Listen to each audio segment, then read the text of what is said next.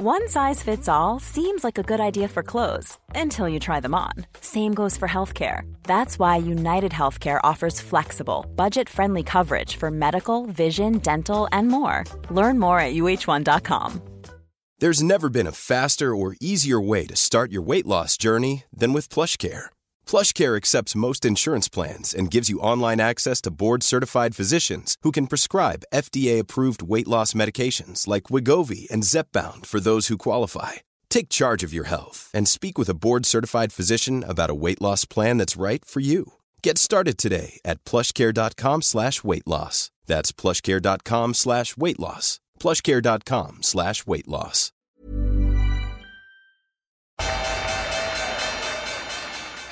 They mistook leverage for genius. Leverage for genius. I would recommend Japan. The governments don't rule the world. Goldman Sachs rules the world.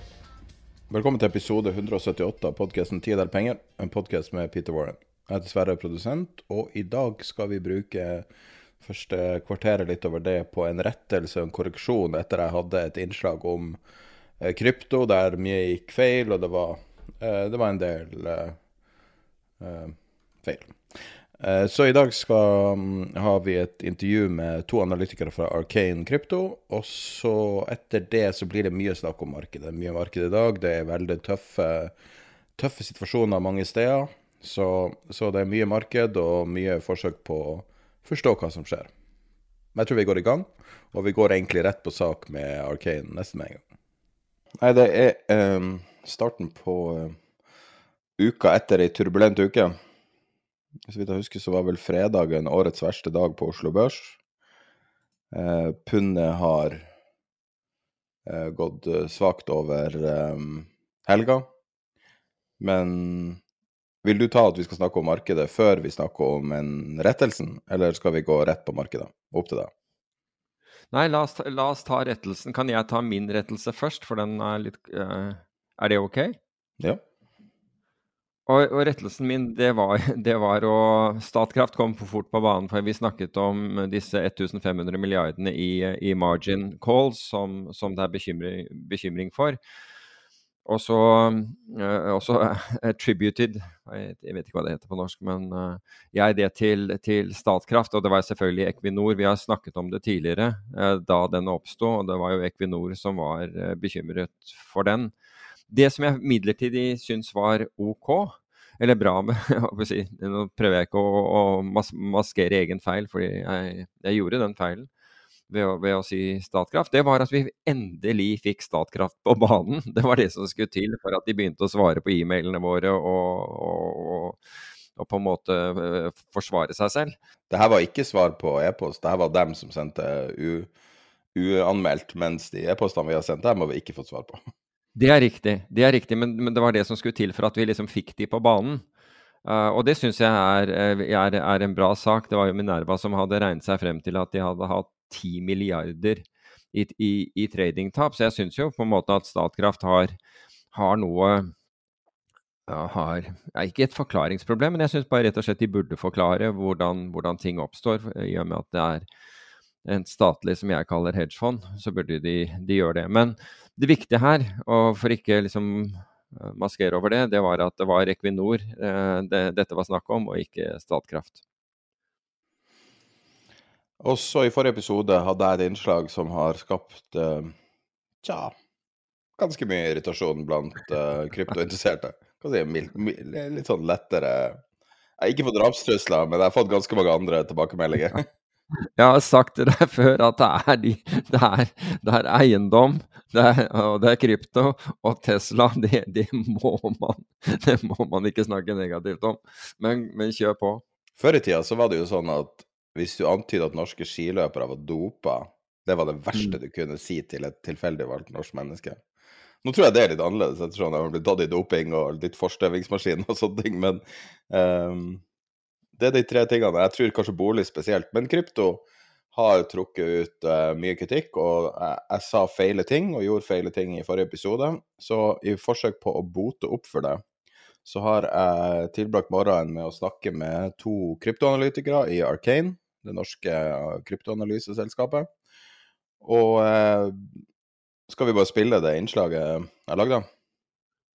Ja, ja, det, ja, ja Du må gjerne si Ja, eh, Du har hørt det nettopp. Jeg har hørt det. Syns det var kjempebra. Jeg lærte mye selv, jeg. Ja. Og, Som, eh, så, som jeg forventet at jeg ville, bare for, for øvrig. Men da går vi i gang med intervjuet med eh, miningekspert mining-ekspert Jaran Bellerud og kryptoanalytiker Vetle Andreas Lunde i Arcane. Ethereum har da for, for to uker siden oppdatert sikkerhetsmekanisme fra proof of work til proof of stake. Dette har vært en prosess som Ethereum har jobbet mot i syv år. I proof of work så man, benytter man datamaskiner som eh, hamrer løs for å løse et regnestykke for å produsere neste blokk. Det er et system hvor du eh, har eh, fordeler av å ha mye datakraft. Eh, det fører til eh, stort maskinvarebehov, og det bruker dermed en del energi. I proof of stake låser man inn kapital og er med i et lotteri eh, hvor eh, man kan eh, gjennom sannsynlighet, sannsynlighetsvektet distribusjon være med å finne den neste blokken. Man må nå låse inn 32 Ethereum eh, for å kunne være med på eh, å produsere neste blokk og få en Ethereum blokkbelønning. Hvorfor finnes det to sånne så forskjellige systemer? Proof of uh, stake og proof of work, de har jo, eh, de har jo um, ulike kan du si, fordeler og ulemper. Eh, det hele er en, en eneste stor avveining. Uh, F.eks. de fleste kryptovaluta, de første kryptovalutaene som ble skapt, både bitcoin og Ethereum, de starta som proof of work-systemer. fordi at Eh, det var en, eh, en eh, sett på som den eneste kan du si, rettferdige måten å distribuere coin, coinsene ut i sirkulasjon på. Um, så det var sånn Ethereum også ble starta, og så nå har de gått over til proof of stake. Eh, det er for å få ned energikonsumet, men det er også fordi Ethereum skal uh, utvikle noe som kalles sharding etter hvert, for å, for å øke transaksjonskapasiteten sin. Og for å kunne gjøre det, så må de være på proof of, uh, proof of stake.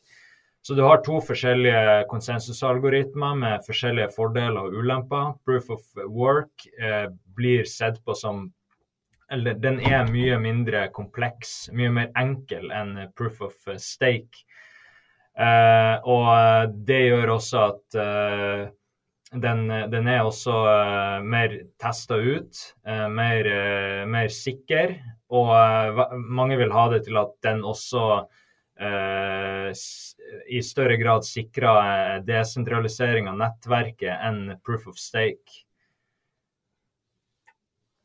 Og nå nylig var det da den store omlegginga over. Og så så vi at, som jeg refererte til tidligere, og som førte til veldig mye feil, så var det at uh, i Ethereum-verden så Ut fra det jeg fikk beskjed om, i hvert fall, var det mange som hadde allerede begynt å skru av mining-operasjonen.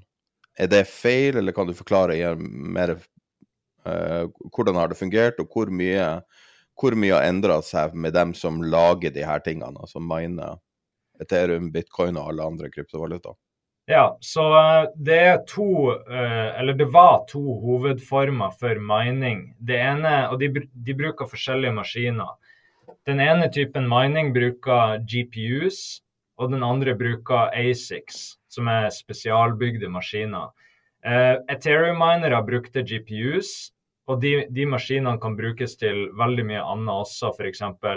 Uh, dataspill eller uh, AI rendering og andre high performance computing-ting. Så GPU-ene har en, et veldig stort bruksområde, mens maskinene som bitcoin-minere bruker, de kan kun brukes til bitcoin-mining. Så det at, Ethereum har gått over til proof of stake nå, det påvirker ikke bitcoin-mining i det hele tatt. Det det påvirker, er at Ethereum-minerne plutselig mister eh, mista muligheten til å mine Ethereum, eh, som var en helt enorm inntektskilde, og det var ekstremt profitabelt å mine Ethereum.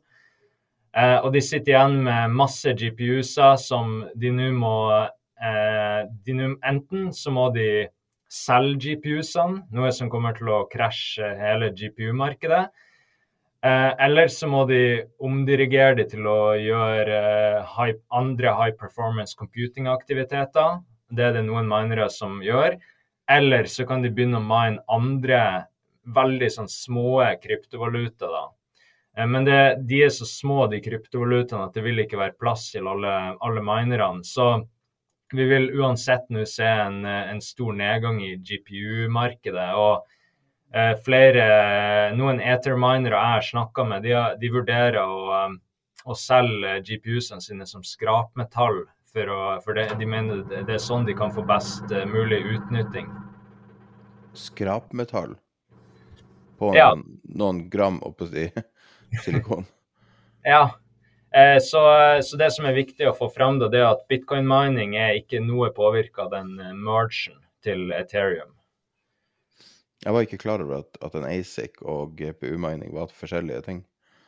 Um, hvordan, hvorfor er det så forskjellig? Man skulle tro at de her tingene var like fra en lekmann, fra en outsider. Så ser jo kryptovaluta ut som én ting. Nei, Da bitcoin ble skapt, så var det, var det ikke eh, designa for en spesifikk type maskinkraft. Det var liksom kun maskinkraft. Eh, mens da Ethereum ble skapt, så det ble det benytta en spesiell eh, algoritme som kun kunne løses med GPUs, og ikke med de maskinene bitcoin mining bruker. Så bitcoin mining eh, det gikk etter hvert over fra å bruke vanlige eh, små datamaskiner til å bruke sånn spesialbygde maskiner som kun, kun kunne gjøre én ting, og det var å løse den mining-algoritmen til bitcoin. da. Mens eh, Ethereum mining var liksom designa for, for, å hindre det. da. Hva, er, hva vil utfallet av det her være? Er Ethereum eh, mer sannsynlig til å på en måte eh, skape bruks... Altså til å bli en altså, til, til, å gi utility. Eh, er det noen sikkerhetsmessige forskjeller? Er det, um, er det forskjeller på uh, viktigheten av Ethereum versus krypto? Hvordan implikasjoner er det på lang sikt for de her endringene? Um, det er um Ethereum er mer sannsynlig å sikre utility i den grad at uh, med denne endringen og hvordan Ethereum i seg selv er uh, designet, uh, søker man å løse flere bruksområder. hvorpå bitcoin er enklere bygd for å være en digital kontant med knapp og avtagende inflasjon. Som et investeringsobjekt er Ethereum litt vanskeligere å uh, få, uh, fremskrive verdi på uh, med tanke på at inflasjonen og, i Ethereum er varierende. Og at bitcoin har mer trygge rammer, hvorpå bitcoin kan ses på som et slags digitalt gull, mens Ethereum Eh, verdien drives av forventninger rundt hvor mye nettverket vil bli tatt i bruk i fremtiden til løsninger som desentralisert finans og NFT-er. Um, for uh, med tanke på protokollsikkerhet og sentralisering, så er det um, litt spørsmål uh, knyttet til Ethereum sin proof of stake-overgang. Um, I dag er over halvparten av stakede Ethereum Eh, knyttet til fire organisasjoner. Den ene er Lido, eh, som er etablert som en eh, desentralisert aktør. Her har validatorene mer frihet. Men de tre andre største validatorene er Coinbase, Kraken og Binance. Det kan tenkes i fremtiden at interessekonflikter vil oppstå, og at regulering på disse børsene også vil kunne påvirke eh, hva slags transaksjoner man eh, tillater seg at gjennomføres på Ethereum. Eh, og stakingen og sentralisering kan føre til økt bruk av sanksjoner og på sensurering på nettverket. så dette er en utfordring med proof of stake. Det er også veldig naturlig at det blir børsene som blir store aktører i staking eh, på Ethereum. Fordi børsene er allerede arenaen hvor man kjøper kryptovaluta i dag. Og hvis man kjøper Ethereum med en lengre tidshorisont, så eh, er det naturlig at man da også vil søke å hente renter på å stake disse Ethereumene. Og det er veldig lett tilgjengelig på de sentraliserte børsene i dag. Så det oppstår en situasjon hvor du som bruker kan tjene renter på Ethereumen din. Børsene tjener renter på at du staker din Ethereum, og børsene får en større andel av nettverket eh, som de staker. Det er interessant. Sånn at det man har måtte, i anførselstegn kritisert Defi for i tidligere anledning, har jo vært at eh, hvor kommer pengene fra eh, når det kommer til yield? Men i dette tilfellet så er det jo veldig naturlig og mye mer nært tradisjonell makroøkonomisk eh, måte, dynamikker. Er det riktig å forstå? Ja, det, det er en veldig riktig oppsummering. Um, på sett og vis uh, kommer her rentene fra uh, en veldig definert og mer trygg arena. Og det etableres på sett og vis finansinstitusjoner som skaper disse tryggere rentebærende produktene. Så det her er da et klart skille framover mellom de to største kryptovalutaene.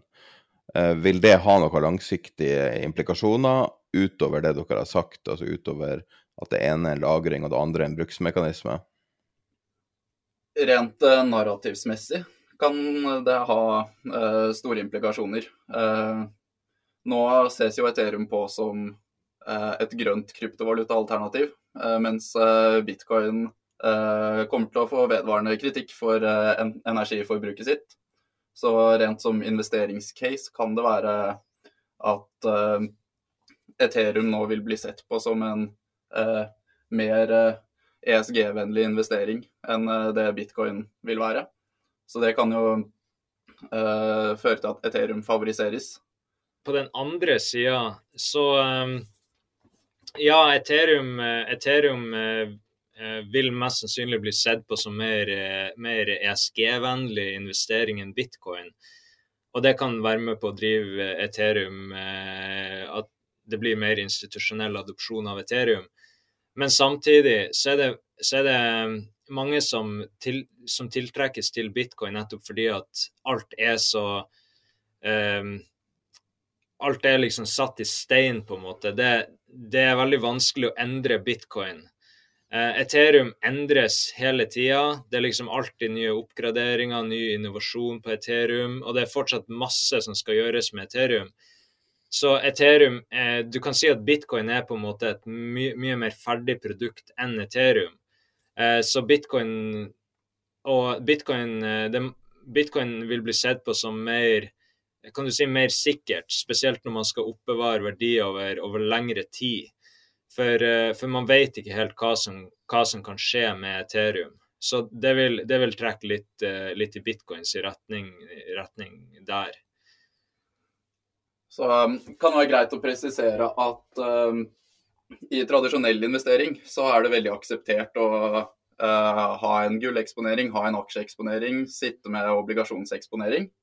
Mens i kryptomarkedet så er uh, vårt inntrykk at det ses på som uh, veldig enten-eller. Uh, det finnes helt klart en verden hvor det mer rigide og forutsigbare systemet i bitcoin og Ethereums mer eksperimentelle og innovative system, begge kan gjøre det godt over tid. Så det finnes derfor helt klart argumenter for at det kan være fornuftig å ha et åpent sinn til begge kryptovalutaer. Men supert. Jeg, jeg, føler at jeg har lært utrolig mye, og det håper jeg lytterne også har uh, i denne komplekse situasjonen. Det er mye nyanser her som er vanskelig å, uh, å se med ikke dyp analyse, kan man si. Tusen takk for at dere tok dere tida også tidlig, rett før vi tar opp episoden, på relativt kort varsel. Ja, og takk for at eh, vi fikk komme. Ja, da har vi lært eh, en god del mer. Og eh, eh, kanskje jeg skal bare skyte litt fra hofta om eh, boligprisene og hva du sier? Om oljeprisen? Boligpriser. Og boligpriser. ja. Jeg tror vi lar det ligge. Eh, men eh, langt mer alvorlig er det som skjer i markedet nå. Og uh, vi har Ja, vi har så mye å ta tak i at jeg vet nesten ikke helt hvor vi skal starte. Nei, altså mark Markedene tar jo en, en annen form nå. Altså vi, vi, har gått inn i en mer alvorlig, om, om det vil, fase av markedene. fordi nå ser du at det er det er høy turbulens i rentemarkedet, som det har for så vidt vært, men den, den øker. Um, eh, spesielt lenger ut på kurven, altså der hvor uh, La oss si ti år, ti år og lenger. Den øker der. Samtidig så har vi fått betydelig valutauro. Du var inne på dette med, med, med pundet. Men vi har sett uh, japanske igjen, og vi har sett flere, flere andre bevege seg kraftig. Så så du kan si Jeg, jeg, så, jeg så, på den, det arket vårt da, så, som oppdaterer, så der var det mye rødt, for å si det på den måten. Det var, det var én Altså i forrige uke så var det, var det én én uh, ting som var grønt, og det var, uh, var ETF-en for bulkrater. Jeg må for øvrig gi honnør til Cleaves, for jeg fikk en uh, Cleaves Securities, for jeg fikk en, en analyse fra dem for ja, det var litt over en uke siden hvor, hvor, de var hvor, altså, Nå har jo disse bulkratene falt fe, altså 65% i år, denne ETF-en for bulkrater. Og da, da, kom de faktisk ut med en positiv, uh, positiv kommentar på, på, på, bulk. Og, og bulk, det, den ETF-en, var opp 13% i forrige uke. Men hvis vi ser på alt annet som, som vi følger med på, da, var jo, var jo rødt. Altså du kan, du, det kommer jo an på hvordan man ser på det, ikke sant. Altså, hvis du ser på dollar i forhold til alle mulige ting, så var dollaren opp. Mens, eh, mens norske kronen og alle andre valutaer stort sett var ned. Men på bunnen av listen min så var, eh, så var faktisk denne, eh, denne spacken til Donald Trump, altså DWAC, den er da på, på bånn med et fall i forrige uke på 30% og den er nå ned 68% Og nå begynner folk å ville ha tilbake pengene sine. Så, så, der skjer det ting. Og du har, en, du har amerikanske finanstilsynet eh, som gjør en granskning av, av, hele saken. Så der er det mye som skjer. Men så vidt jeg vet, altså Den vil sannsynligvis aldri bli konvertert til noe, til noe selskap. For det er det man gjør med disse spackene, altså Special Purpose Acquisition Companies. Det er da det er da selskaper så altså Du skyter inn penger, og så skal man da, eh, skal man da kjøpe et selskap. Og for, øh, fortrinnsvis et selskap som er kraftig undervurdert.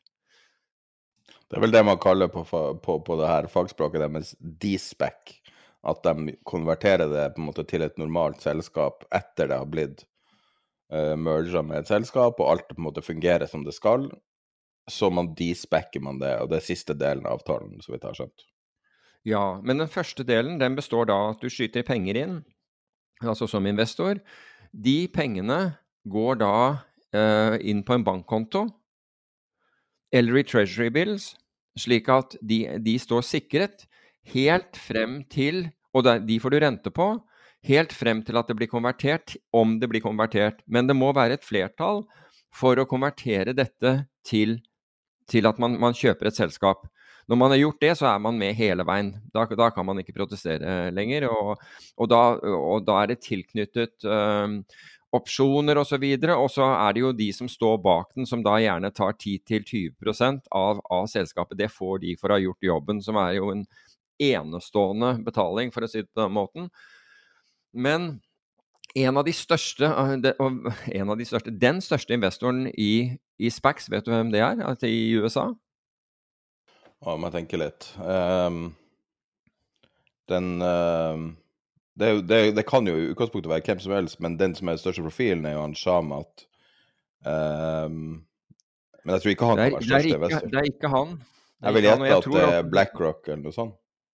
Nei, det kunne være, men, men, det er faktisk Saba Capital, Boas Weinstein.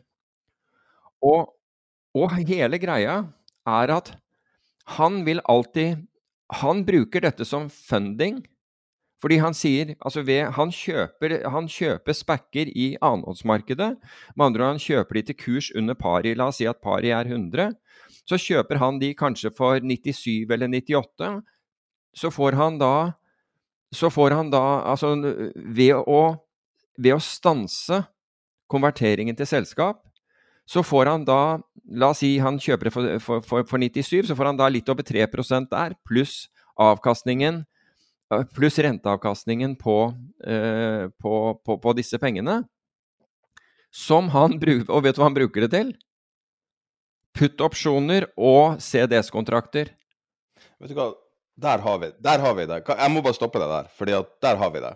Folk snakker om hedgefond i øst og vest og, og alltid negativ fortegn. Folk lurer på hva hedgefond er. Der har du det. Der er det hedgefond. Han rett og slett gjør, gjør han, han, er i stand til å lage sofistikerte strategier, bruke masse, masse, masse hundretalls, tusentalls timer på analyse for å komme på en så briljant strategi. Herregud, det der må du bare ta deg hatten av, altså.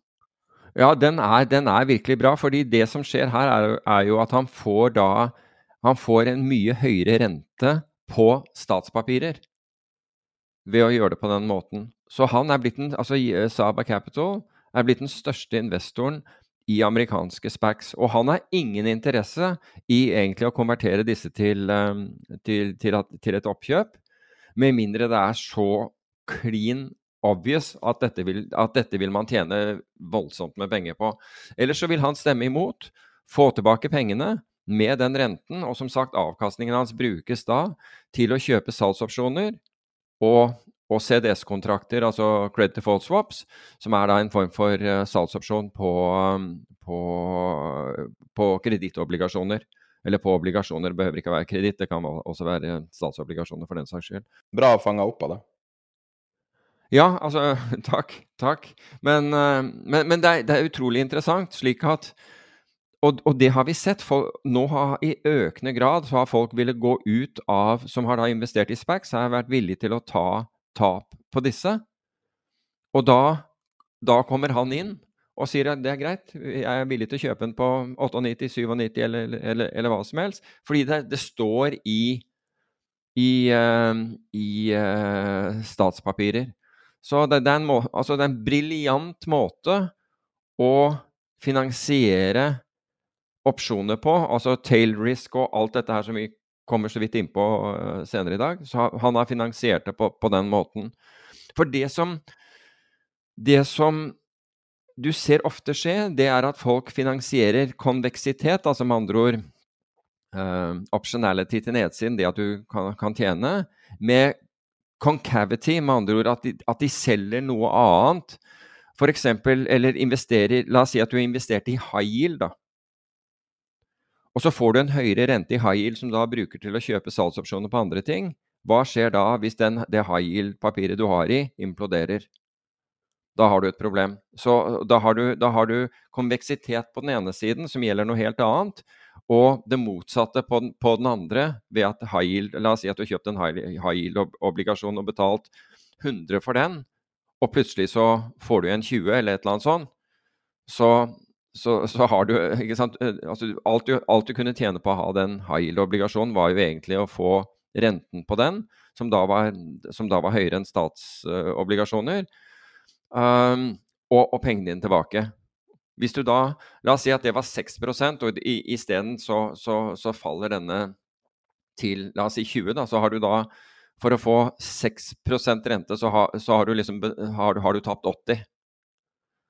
Og det er, ty, det er, det motsatte av konveksitet, for å si det på den måten. Så, men i hvert fall, så, så det er den med den spacken. På, på no, øh, nummer to var faktisk Galaxy. Altså øh, det, denne investeringsbanken til, øh, til Mike Novogratz som investerer i, krypto, som var ned 17% til tross for at krypto, altså bitcoin f.eks. var ned ca. 2,5% i forrige uke, så det var litt voldsomt det. Og, og Galaxy er ned, ned, hele 75% på året. Men utover det så falt uh, amerikansk naturgass. Det er jo bra for amerikanerne som, som trenger gass til enten airconditioning eller, eller å varme opp hjemmene sine. Det var ned 13 Det er for øvrig opp 82% på året. Og uran falt også. Uran-ETF-en falt med 11% Den er da ned 3 uh, på året. Men hvis vi skal se på, på, ting som virkelig har beveget seg opp i år, fantastisk avkastning i år, så er det selvfølgelig nordisk elektrisitet. altså med andre strømprisen. 505 på, på de kontraktene. Kull, Newcastle Kull 178 um, og europeisk gass, som var opp 171 uh, i år. Så det er ting som har gått opp, absolutt, men uh, de, det, er ikke, det, er no, det, er ikke, de Det er ikke de tingene som som uh, de aller fleste blir anbefalt å investere i, for å si det på den måten. Så, Men når vi snakker om markedet nå, så tror jeg vi må måtte legge om et lite gir nå, fordi at, fordi at markedet har lagt om, et, lagt om, et, gir. Jeg vet ikke akkurat hva som har skjedd, men det virker som noe har skjedd. Vi ser på året som helhet, så når man snakker om prosenter, så er prosenter ikke, de er ikke helt like. Så 1% i valutamarkedet er veldig mye mer enn 1% i aksjemarkedet eller i opsjoner mm. eller obligasjoner. Eh, og vi har hatt enorme utslag i valutamarkedet. Så i år er det en rekke valuta som er ned over 20% mot dollar. Nor norske kroner er rundt 20 eh, og pundet er ned over 20 Og vi ser store bevegelser i et marked som de fleste nesten, nesten hadde glemt eksisterte, tror jeg. Siden... Jeg tror det var en del som kom på det i 2020, ikke sant, under korona, da kronen svekket seg ja. så voldsomt. Da, da, fikk man liksom en liten touch av uh, valutabevegelser. Men det her er litt mer, uh, det er litt mer sustained og, og, og mer kraftfullt, virker det som. Og, og, også har mye større betydning for, um, for verden, egentlig. Og, det Jeg syns ikke det er helt åpenbart nøyaktig hvorfor valutaen begynner å flytte seg på nyheter som tidligere ikke har flytta valuta så mye. Men kan du si litt om valutatrading kontra eh, aksjer, og egentlig en de forskjellige båsene, hvis du tenker deg en valutatrader, en aksjetrader, en futures trader og opsjoner.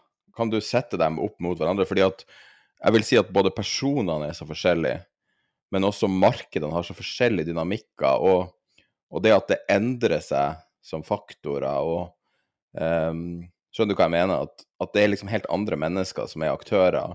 Helt andre måte, regler som man må være obs på.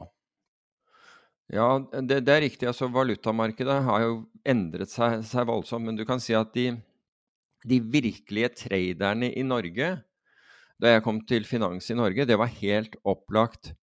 De fant du i bankenes valutarom. Der, der fant du stjernetradere. Egentlig alle, alle storbankene ville ha en eller annen som var utrolig bra uh, på trading. Og norske banker var kjent internasjonalt for å være store og gode i, i valutamarkedet.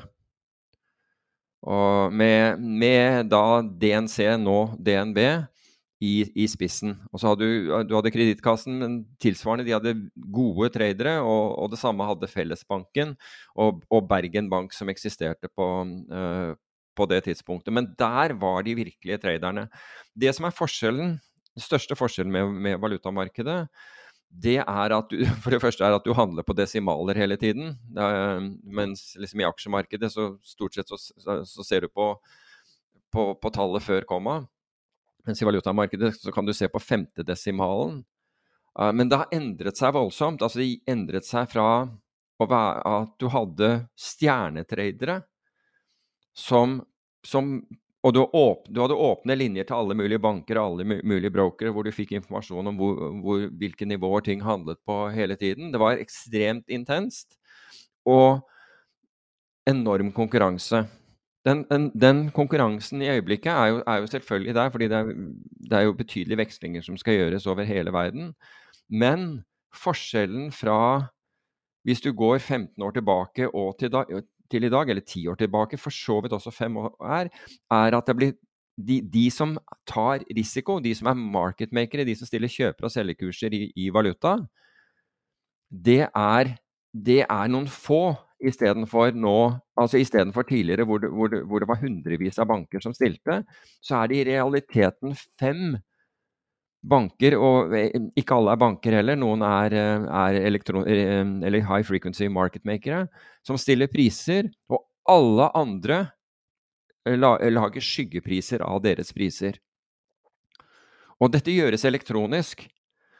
Og du, bare for å ta et eksempel, altså hvis, hvis prisen i markedet um, er 11 kjøper, 12 selger, så er skyggeprisen på det, den, det din bank stiller deg, eh, 10 kjøper og 13 selger. Og med en gang hvis du da selger til eh, Hvis du kjøper da på, på 13, så kjøper den da på, på, banken din på 12 i markedet. Så det er bare skyggepriser. Så hvis én av disse fem uteblir, altså hvis én av disse fem trekker seg ut av markedet et øyeblikk, sånn som vi så med da, da, da gulvet i euro-Sveits eh, forsvant i, i 2015, så er det total kaos, og alle andre trekker seg. Og alt, alt, gjøres elektronisk. For husk på, når det er skyggepriser, hvis de blir borte, så trekker alle seg.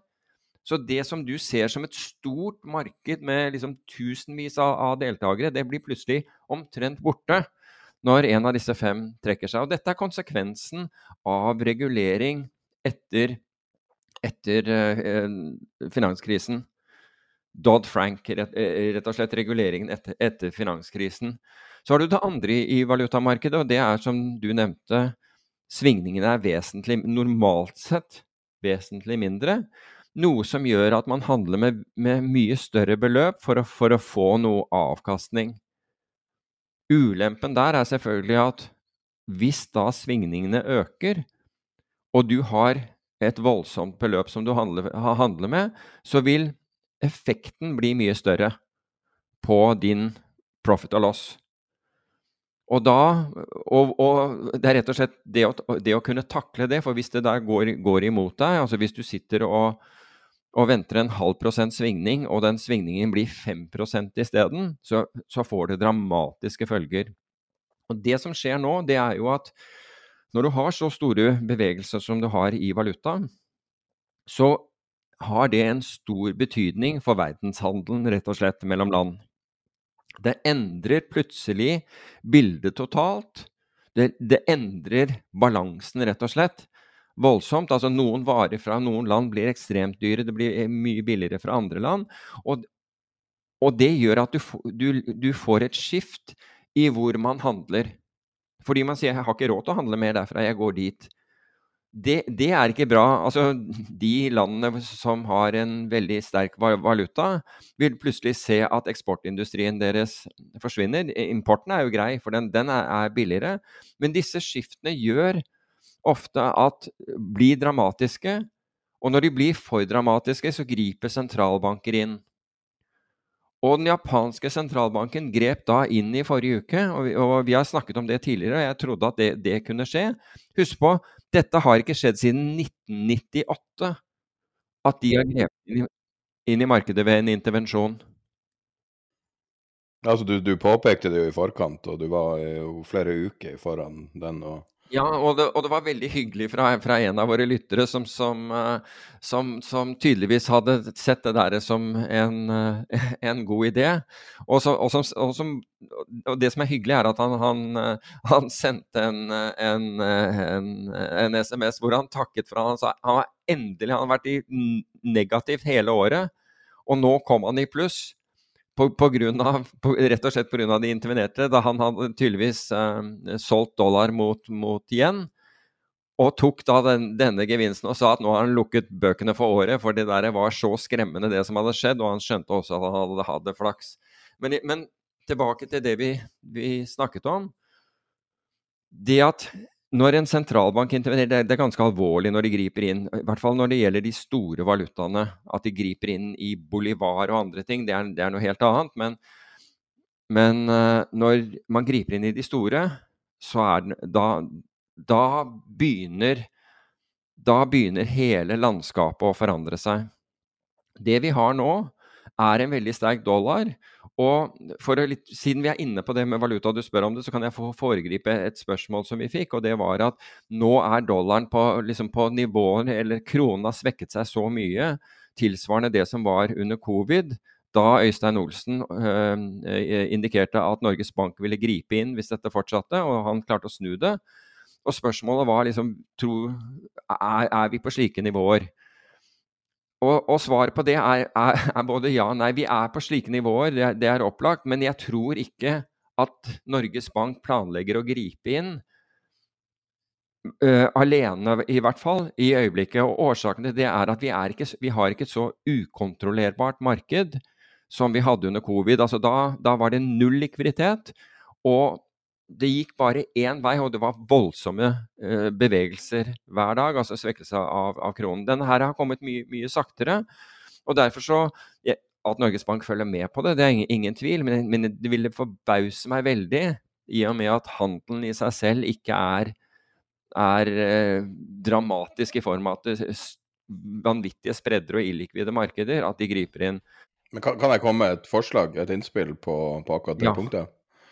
Eh, som et argument for intervensjon fra Norges Bank. Eh, hvis du bare ekskluderer alle rykteproblemer og altså knytta til hvordan internasjonale investorer reagerer på intervensjon, bare sett det til side. Men eh, hvis Norge hadde intervenert i valutamarkedet, så ville jo det trolig ha pressa inflasjonen nedover. Ettersom Norge er en såpass stor matvareimportør og har en ganske stor importsektor, selv om vi snakker veldig mye om våre eksportvarer. Så hvis man har lyst til å gjøre på en måte en Og da mener jeg i aller på en måte i største tegn, i de største anførselstegnene mulig, men billig. Den billigste måten å få ned inflasjonen på er sannsynligvis en valutaintervensjon det er jo det som måte, Korea hadde som sin hemmelighet på veien opp, var jo at de frøys lønninger og dermed eh, på en måte indirekte intervenerte med å måte, fryse inflasjonen, sånn at relative styrken til Sør-Korea ble så mye sterkere for til andre land. Ja, jeg, jeg, skjønner hva du mener, og jeg er enig i det, du, i det du sier. Men det som valutamarkedet er i ferd med å gjøre nå, er del av er delvis å rette opp alle de feilene som ble begått over 14 år med sentralbankintervensjoner, eller sentralbankstøtte av markedene. Vi er kommet til et punkt, altså idet man sluttet med dette her, hvor vi må på en eller annen måte ta oppgjør med de skjevhetene som, som det skapte i økonomien. Og det skapte også enormt eh, eh store skjevheter mell, når det gjelder velstandsgap, f.eks. Helt urimelig økning av velstandsgapet skjedde under den perioden, fordi du premierte de som var velstående og hadde formuer, fordi de, kunne, de hadde råd til å investere. Og støttet opp om, om deres investeringer, altså med å pumpe hundrevis av milliarder av dollar inn i markedet hver eneste måned. Altså 120 for USAs del, men, men andre eh, drev med, med, med, det samme. Slik at de ble ekstremt mye rikere, de, eller mer velstående, mens de som da ikke hadde anledning til å ha eh, Som ikke hadde finansformuer, ble stående igjen på perrongen. Så det er, del, det er mange skjevheter som har oppstått som følge av den aktiviteten over disse 14 årene, som trenger å korrigeres for at vi skal få gode, ordentlige markeder. Så jeg, jeg er helt overbevist at sentralbanken følger med i dette her. Så du det sitatet til Karl Aikan? Nei. Han summerte det veldig vakkert opp. We printed up too much money and just thought the party would never end. And the party's over. Ja. Ja, det er jo faktisk det, til tross for at det ble signalisert at det skulle slutte. I lang tid før, før, de gjorde det. Og hvis du ikke tror på det, gå og hør på den siste episoden fra fjoråret når vi snakker om det. Da sier vi nå er det over. ja, men hvis, hvis, vi skal være konkrete på liksom, tror jeg Norges Bank griper inn? Nei, jeg tror ikke at, at markedet er en Markedet i øyeblikket er kaotisk nok til at sentralbanken ønsker å gripe inn. Punkt én. Punkt to, så er ikke dette her en, et, på en måte en angrep, angrep på den norske kronen, som vi så under, under covid. Tvert imot så er, det, er, så er det rett og slett styrkelsen av dollar. Så det er dollaren som drar i øyeblikket. Det er dollaren som kjøpes. Hvorfor kjøpes dollaren? Jo, for det er usikkerhet i markedet. Og som annen, et annet spørsmål som vi, vi, har, som jeg kan kjapt også besvare altså hva, Fins det noe alternativ til å være long dollar? Ja, Man skal alltid være litt forsiktig på, altså, med det å være long dollar, for på et eller annet tidspunkt blir det for mye. Men da er det ikke snakk om at Norges Bank kommer på banen. Da er det snakk om at en rekke sentralbanker kom på banen samtidig. Men, så for å bare besvare det der, har du noe alternativ hvis markedene, jeg tror at markedene eh, fortsatte å gli nedover? Ja. Um, put spreads på, på, på, på en indeks, rett og slett. Da, da, da, får du det, og så har du begrenset, begrenset risiko. Det er da jeg svart, svart, på den uh, samtidig. Så jeg tror vi må innse at når vi ser statsobligasjoner bevege seg så kraftig som de gjør, altså volatiliteten der er enorm for tiden, og du ser det samme i valuta, de verden, da snakker du om verdens største markeder. Aksjemarkedet er bitte lite i forhold. Da må du også forvente at det har betydning for aksjemarkedet. For store svingninger i valuta, tenk f.eks. de som har valutalån, de som har import fra, fra i, i, dollar. Um, tenk effekten dette har på på, på, lønnsomheten til disse bedriftene. Nå må analytikeren, nå har de virkelig en jobb å gjøre. For tidligere har det vært sånne små mikroting de har, de har måttet lete etter. Nå er det makrofaktorer som bestemmer lønnsomheten og inntektene og, og, og, og, ja, rett og slett fremtidig inntjening til, til disse bedriftene. Nå må man virkelig begynne å tenke på hvordan skal man eventuelt sikre Kanskje sikre fordi man har, har, ehm, har nyter godt av, eh, av, en høy dollar. På et eller annet tidspunkt her, hvis dette fortsetter, så kommer vi til å nå et bristepunkt. Japanerne har allerede signalisert det, fordi de intervenerte. Ja, Japan, altså Bank of Japan alene er ikke nok til å, til å gjøre veldig mye, men de kan, de kan, definitivt ramme de som velger å shorte igjen. Og, og det er rekordshorter igjen, og folk har shortet igjen på etter den intervensjonen til Japan den, den, japanske sentralbanken. Men vi ser Storbritannia med store, med store problemer også pga. Av, av fallende pund. Bank of England kan, kan, begynne å komme på banen. Jeg tror, jeg tror at disse, de store sentralbankene har begynt å snakke sammen. Det er en spekulasjon fra min side, men, men pga. de bevegelsene vi har sett, så tror jeg de snakker sammen og, og, rett og slett for å være forberedt hvis dette her blir, blir, verre. Hva gjør vi, og hvordan gjør vi det? Så jeg tror valuta blir en veldig viktig faktor uh, nå, nå, fremover. Det var et interessant perspektiv. Det skjedde jo i Var det i Når var sist gang det var koordinert? Var det finanskrisa, eller var det eurokrisa det var vi, koordinert? Vi hadde, vi, Den siste koordinerte in, intervensjonen skjedde i november 2011. Ja. Og den var lekket på forhånd. Det er jeg helt overbevist om. fordi den morgenen når vi, vi kom inn, så så vi merkelig aktivitet i markedet i forhold, til, i forhold til nyhetsstrømmen. Visste ikke hva det var, men jeg husker vi hadde, jeg tror vi hadde en short-posisjon i kobber eller et eller annet sånt. Og vi hadde mange andre posisjoner. Og begynte å dekke inn, dekke inn, disse rett og slett fordi her var det noe vi ikke, ikke forsto. Og, og så kom fem sentralbanker inn og inn i markedet, og så Altså, de, de, tålte ikke at aksjemarkedet falt. Da var vel aksjemarkedet jeg tror det var ned 20% eller noe sånt fra toppen. og Da, da, da fikk sentralbankene panikk og løftet alt. Nei, Du påpeker veldig mange interessante ting her. Eh, jeg har merka meg også at uh, du sier at, at, makro vil avgjøre måtte jeg alt. Og, og, du ser jo at aktører som tidligere aldri har bredd seg om makro, sånn som f.eks. Elon Musk eller, eh, eller Cathy Wood, snakker jo veldig mye om makroøkonomiske ting nå. Blander seg mye inn i rentebeslutninger, har mange meninger om inflasjon. Uh, og når du ser ei oppdatering fra spesielt kanskje ARK og, og Cathy Wood, så syns jeg det er påfallende mye makro i det. Tidligere har det vært veldig mye fokus på mikroting, altså innovasjonsrelaterte ting. Uh, jeg tror de er opptatt av at tidevannet skal stige. Ja, De ønsker jo selvfølgelig at tidevannet skal stige. Egentlig ønsker vi jo alle at tidevannet skal, eh, skal stige. Men hvis du f.eks. ser til denne etter hvert så berømte 60-40-porteføljen, 60%, aksjer, 40% obligasjoner. For amerikanere så er det den ned nesten, nesten 20% i år. Det er 19,3% tap på en sånn portefølje. Du har ikke tapt så mye penger på en sånn portefølje siden 1931. Altså siden 30-tallets krakk. Så vi sitter her oppe med, med en børs som var ned 7,5% i hvert fall inn, inn, i, inn i, uken. Opp, opplevelsen av det som foregår i finansmarkedene i andre land, er vesentlig større. Og Vi hørte jo også for øvrig om et, et norsk indeksfond, det, det, dette var på nyheten i dag, som da som da skulle være ESG-compliant, og fant ut at olje skal vi ikke ha, er ned 20% i år. så det det er, litt sånn å si at indeksen, indeksen på en måte lyver. Den, altså Oslo Børsindeks, som da inneholder også olje, olje og gass, den, den, er det den er.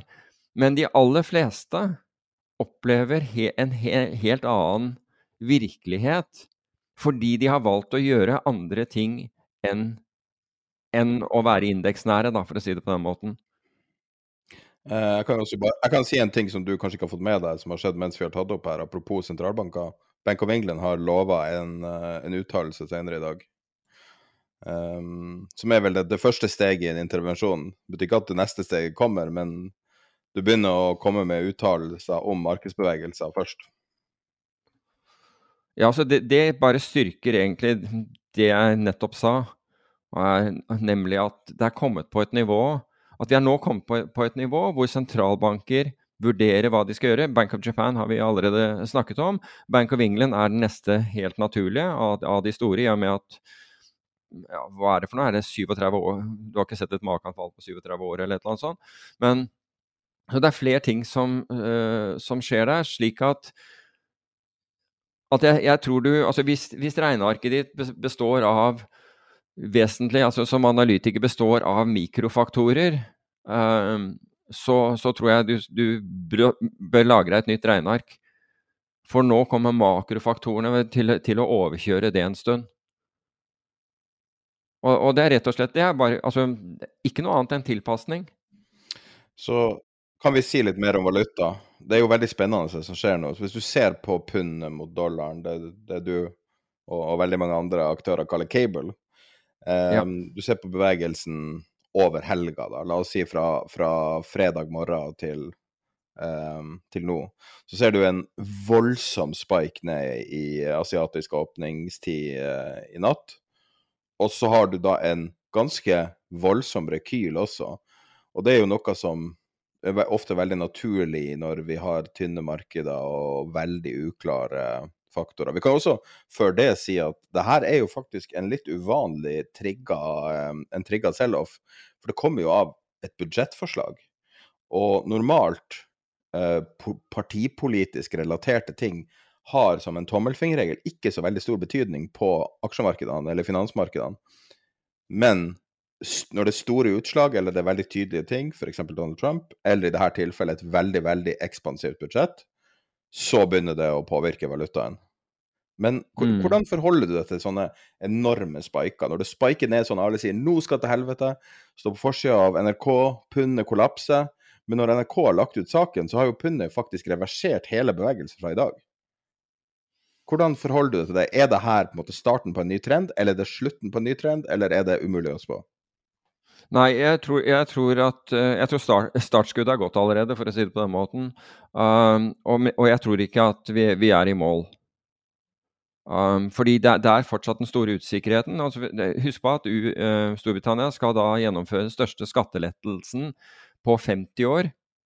Så det er mye som skjer med, med Storbritannia, uh, Storbritannia, isolert sett, men det er samtidig mye som skjer i verden uh, to, totalt sett. Altså når alle valutaer, de store valutaene, begynner å bli, blir destabilisert, da, da får det konsekvenser.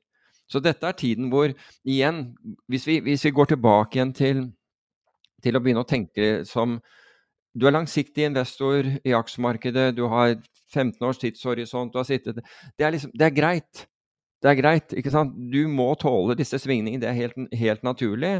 Og du skal antageligvis bare sitte i ro. Og har du en aktiv forvaltet portefølje, så håper jeg at du har at, at den uh, forvalteren er tilliten verdig. Fordi vi har nå sett en, en periode igjen, som, som, vi snakket om, altså på 14 år. Jeg, jeg husker jeg, Vi begynte å snakke om den 60-40-porteføljen, og, og, vi egentlig begynte å snakke om da, da Norges Bank, eller oljefondet, endret den til 70-30 i, i, forhold til aksjer. Og så, Da snakket vi om den, og det var jo fornuftig, fordi på det tidspunktet så, så, var det, så, var det, nær null rente på de fleste statsobligasjoner og negativ rente på mange. Det var da ideen kom om å være short, og vi snakket om å, være short Bund, som var altså tyske statsobligasjoner, som du ble betalt 0,4% i året for å være short. Du ble betalt Du betalte ikke rente for å sitte short, de betalte deg. Um, den Jeg husker jeg, jeg, jeg snakket med en, en, eh, en fondsforvalter i, i, et stort forvaltningsselskap, og han hadde da hørt denne her og, og, og, og sa liksom hvorfor, hvorfor jeg snakket om den. Og så sa jeg fordi jeg tror den er, tror den er over. Jeg tror det er de, de 40% allokering til obligasjoner kommer ikke til å virke lenger. Det, det er, den virker mot sin hensikt. Og så får jeg bare rett og slett svaret død. det der har virka i 15 år. Hvorfor skal vi endre Altså, det har virket perfekt i 15 år.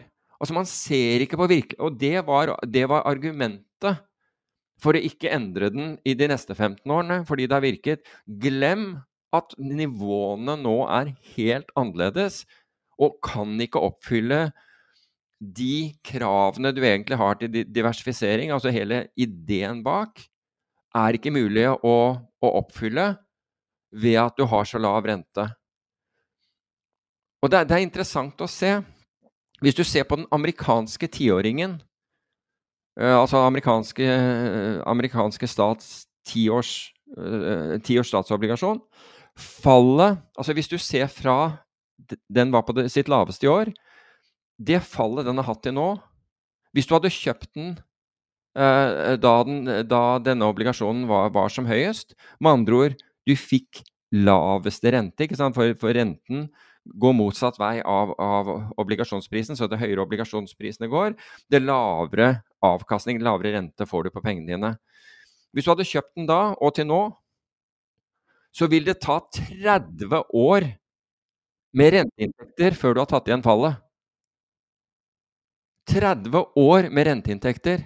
Ta gjør samme kalkylen på den østerrikske 100-årige obligasjonen. Ja, den er, jo, den er jo, helt gæren. Altså, det er jo sånn er jo... Eh, tilbake til Jesus' fødsel omtrent, hvis ja, du skal ja, gå være ja, ja. Du er så langt tilbake. Den, den er helt, helt, umulig. ikke sant? Den, den er sånn. Det vil ikke skje i, i, i, universets levetid, ei heller om du replikerer universet eh, ti ganger eller noe sånt. Nå. Men, jo, men det er, det er liksom sånn men jeg fatter ikke Jeg fatter virkelig ikke at, at disse ekstremt godt betalte menneskene ikke, ikke, ser disse Ikke så det opplagte og gjorde endringer. Jeg, bare, jeg fatter virkelig ikke at, at, man bare fortsatte og sa at ja, men 60-40 det, det, det, er det det skal være, selv om obligasjoner ikke gjorde det. Men det var ikke, det var ikke andre alternativer for de aller fleste sparere. Fordi myndighetene har regulert det sånn at du fikk ikke lov å, å investere i andre ting enn aksjer og obligasjoner og kanskje eiendom. Ah, jeg kan si mye om, det, om, det, om den reguleringen, men, men, det korte svaret er, er, at det der virker ikke. På noe, på, på noe, nivå virker det ikke. Men la meg ikke altså Der kan jeg rente om noe voldsomt, altså, men, la, oss spare den. Men nå, akkurat nå, hva er det man skal se på, hva er det man skal gjøre? Fordi at Du snakker om tiåringen. Jeg vil jo også si at toårige amerikanske statsobligasjoner er veldig sånn eh, ekstreme utslag. Eh, og det er jo den som har vært påvirka direkte av kvantive lettelser. Så amerikanske ja. sentralbanker kjøpte jo toårige statsobligasjoner, så det var kanskje det mest kunstige pressa ned rentenivået. Og det er jo ei rett linje fra i fjor sommer, fra omtrent null rente til i dag med godt over 4% på toåringen. Uh, og det var jo virkelig en bevegelse som var forskuttert av den amerikanske sentralbanken i fjor sommer. Altså den bevegelsen. Mm. Hvis du hadde bare sett tilbake, sett fram og, og, lagt grafen over og tenkt at du reverserer det man har gjort, så vil du få omtrent den grafen. Men det er noe det, altså, men, men det, altså Når man bruker å si 'ingen vet hva framtida bringer', men i dette tilfellet visste jeg jo ikke. Og jeg vil bare påpeke, gå tilbake og hør på gamle episoder. Vi snakka om det her før det skjedde. Og, mm. Og det, er, det, her var ikke noe vanskelig å analysere, fordi at det sto jo i rapporter. De hadde jo rentebaner, de hadde planer. Sentralbanker planlegger og i offentlighet. Så det er litt sånn trist å se at likevel så blir mange tatt på senga. Ja, jeg er helt enig. Men tilbake til det du sa, hva skal man gjøre nå? Én ting nå er jo at obligasjoner har fått en rente. Altså vi har, vi har gått fra null rente til 3,4% eller noe sånt i, i tiåringen. er muligens høyere. Det er vel høyere i dag enn jeg tenker meg om. De har gått fra det. Så, så, nå faktisk begynner jo obligasjoner å kunne virke på den måten som man hadde håpet at de skulle gjøre.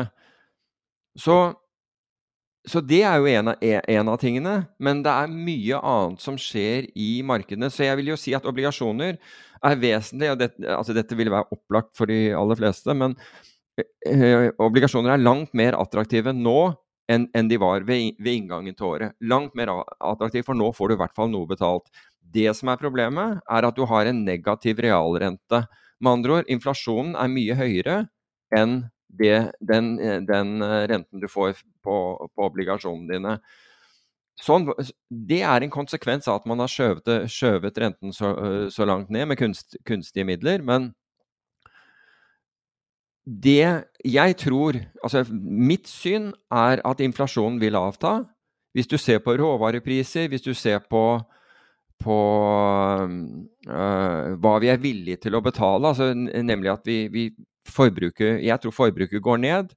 Uh, det er for så vidt også priset inn da i, i råvarepriser. Så det er bare et tidsspørsmål. Altså de, de, du kan få veldig dårlige inflasjonstall denne uken.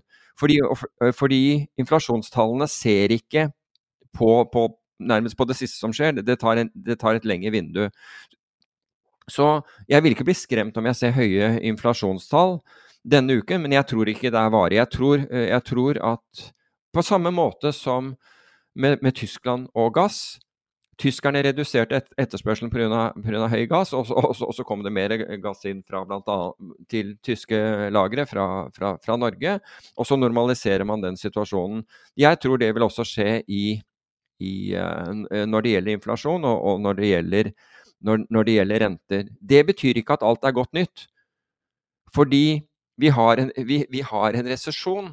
Altså Amerikanerne kan definere det, omdefinere det så mye de vil, men faktum er at det er et, at det er et økonomisk tilbakeslag, og det vil vi, vil vi føle på. Og, og hvis, jeg kan, hvis, jeg kan, hoppe til, eh, fra markedet litt til den uh, Oslo Business Forum uh, seminaret, konferansen, jeg er ikke sikker på hva, de kaller det, eventet, uh, som, som, var i, i, forrige uke, hvor jeg hadde glede av da, å moderere en samtale med, med Nasim Taleb. Så var han, nå er jo han eh, litt fargerik, eh, selvfølgelig, i, eh, i, i språket.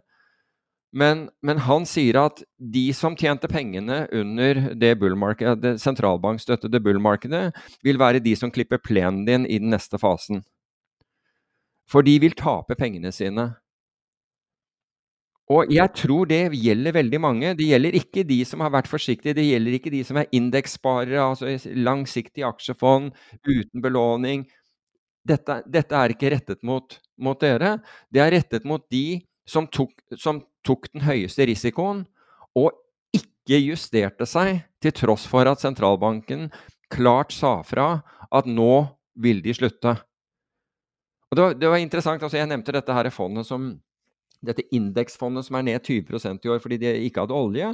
Uh, det, Finansavisen hadde på forsiden eh, på lørdag, mener jeg, om de rikes fond, som nå var ned 40% og så så du porteføljen i det fondet, og, og det, var, det, var, som å se på kurslisten fra Euronex Growth.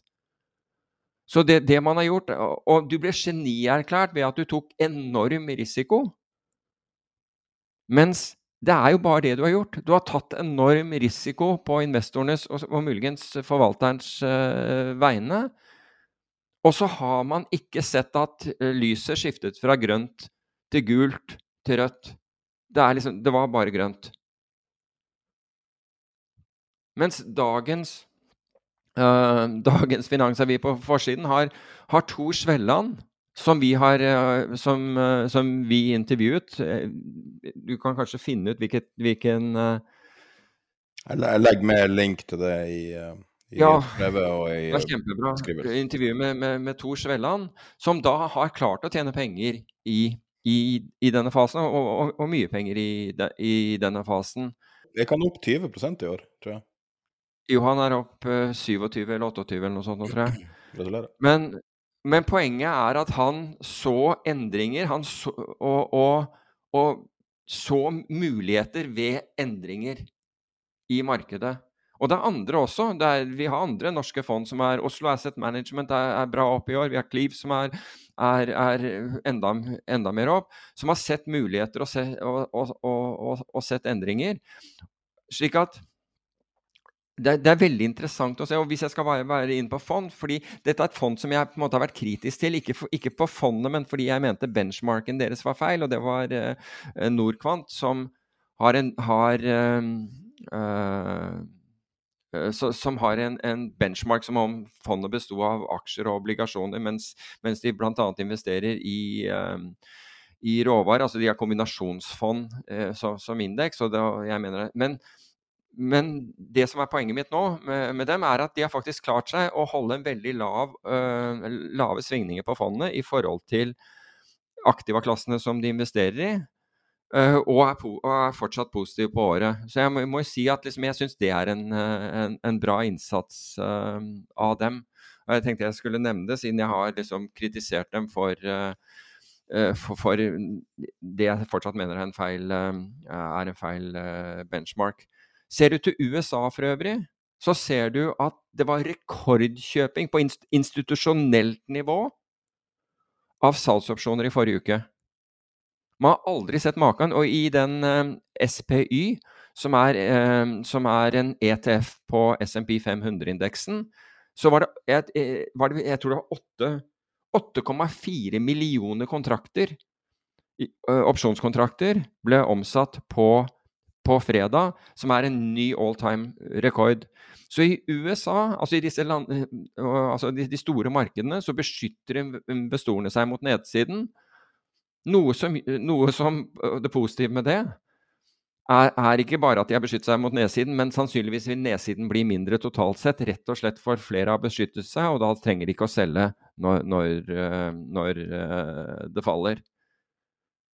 Med en, en annen interessant, eh, interessant eh, eh, Hva skal jeg si eh, eh, Som divergerer fra, fra, fra, dette, det var jo at i, i forrige uke så var det eh, i Cannes i Sør-Frankrike så var det en sånn et svært svær gathering av private equity. Og der var stort sett alle positive, fordi nå skal de få lov til å selge til uh, retail-investorer, altså også til småsparere, så de var kjempepositive på, på utsiktene. Mens en fra det danske, uh, danske stats, Statens pensjonsfond, han var ikke like positiv, og han mente at, at fond som, som investerte da i unoterte, belånte aksjer, det ga ingen mening at, de opp, de, at, de, at disse aksjene hadde samme verdien samtidig som, som, som noterte aksjer. Altså børsnoterte aksjer hadde ha, ha, samtidig falt 20% det, hadde, det, det, det, var helt meningsløst. Men det mer interessante er da at med, med dette er at de altså mange av disse PE-fondene har nektet å, å, å, justere ned verdien på porteføljene sine. Samtidig så, så nedjusterte Petershill, som er, som er eh, et forvaltningsselskap eiet av eh, Goldman Sachs, og som har investert i mange av disse P-fondene, de nedjusterte verdien, verdiene på fondene. Det er ganske interessant å se. Altså, hvor er reguleringen i det? Det er like gærent som, som Norge under finanskrisen, hvor, hvor to fond med like porteføljer oppga for helt forskjellige, eh, helt forskjellige verdier på, på, på, porteføljene sine. Og det var, det var kredittobligasjonsporteføljer. Så, der, så der kan du si hvor, hvordan virker denne reguleringen? Vi har fått tonnevis av ny regulering, og enda så ser du sånne ting som er åpenbart feil. Og BlackRock og disse andre har også nedjustert, uh, nedjustert verdien av, av, av, private equity. Så det er mye som skjer på en gang. Men, men Talebs ord hva, eh, tror jeg gjelder, og han er jo han, jeg tør ikke engang å si hva han mente om norsk eiendom, av en eller annen grunn, men han, han, etter, han spurte om det var noen måte, måte, å shorte det på, men han, shortet, han shortet eiendom. Du, kan le, du kan le, men uh, nå har jeg sikkert fyrt opp noe, noe, noe, voldsomt. Men det var altså, det, var uh, Sa han det til deg privat? Ja, ja. ja, ja. Så han lurte på det om, om, om, om det var. Men det var, men det var for øvrig eh, veldig det var veldig ålreit å se ham igjen. Og det er andre gang jeg er på eh, på, på, scenen sammen med han. For øvrig utrolig bra eh, arrangement av Oslo Business Forum. Det må jeg si, det var ekstremt profesjonelt. Dette er jeg ikke betalt for å si, bare så det er sagt. Jeg syns det var ekstremt profesjonelt, hele, helt, alt, alt, håndtert. Lyd, lys, alt mulig. De, de, gjorde en ordentlig jobb. De hadde folk som passet på deg, og det var liksom eh, veldig, veldig bra. Men de ble litt overrasket, fordi Nasim finner da ut, bare noen minutter, eller en sånn halvtime før, at han, at han skal ikke holde et timinutters innlegg. Vi tar det som en prat. så, det, da, var, da, var, det litt sånn kaotisk. Sånn der, så litt sånn kaotisk bak. Jeg, så jeg sier vet, vet, arrangøren om dette? Ja, jeg ble enig med dem på, på, en call, sier han. Og jeg tenkte jeg var på en call med han i forrige uke, jeg hørte ikke noe om det. Og så spør jeg idet vi går mot, uh, er på vei mot uh, bak, bak, scenen der, så spør jeg en av disse her uh, om Du, stemmer det? Og han må, ta, han må da ringe de som, de som, vet dette her, så han ringer de, og så, så, kommer, så holder han for mikrofonen og snur seg til meg, så sier han Du, kødder du? og da skjønte jeg at nei, det visste de ikke. Så det var litt sånn der å få, på, få det på plass. Men, men men han er jo kjempeflink eh, på, på, scenen, og dette her gikk jo, gikk jo, seg til veldig, veldig bra. Men en annen ting som var Altså, hele arrangementet var veldig bra. Dette er ikke en finanskonferanse, så hvis du går der for å lære deg finans, så er ikke, er, ikke det, det stedet. Selv om jeg var veldig glad for å se Espen Gaarder som vi har snakket om tidligere, og som har skrevet en utrolig bra bok om, uh, om opsjoner. Uh, han var der. Han kjenner jo også uh, Nasim fra de, de, jobbet omtrent vegg i vegg ute i Connecticut i sin tid, da, da Espen jobbet for Amaranth. Og, og Nasim hadde Empirica, det het vel hedgefondet hans, hvis jeg ikke husker helt feil. Men i, men i hvert fall, det var for, for ledere så var det utrolig bra. Det var utrolig Altså, snakker om det siste inn, inn, innenfor ledelse, det snakker om atferdspsykologi, det var eksperter på alt. Og det var kjempeinteressant.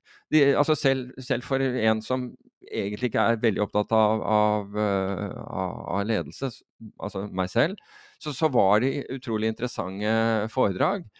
Og Harari, da, som eh, altså Homodeus-forfatteren bl.a., som ble intervjuet av Nicolai Tangen, han påpekte altså det er Dette er selvsagt for sikkert for, for veldig mange, men, men jeg syns allikevel han satte ord på det. altså Hvor viktig og hvordan det vil altså Den utviklingen, utviklingen vi har, bl.a. pga.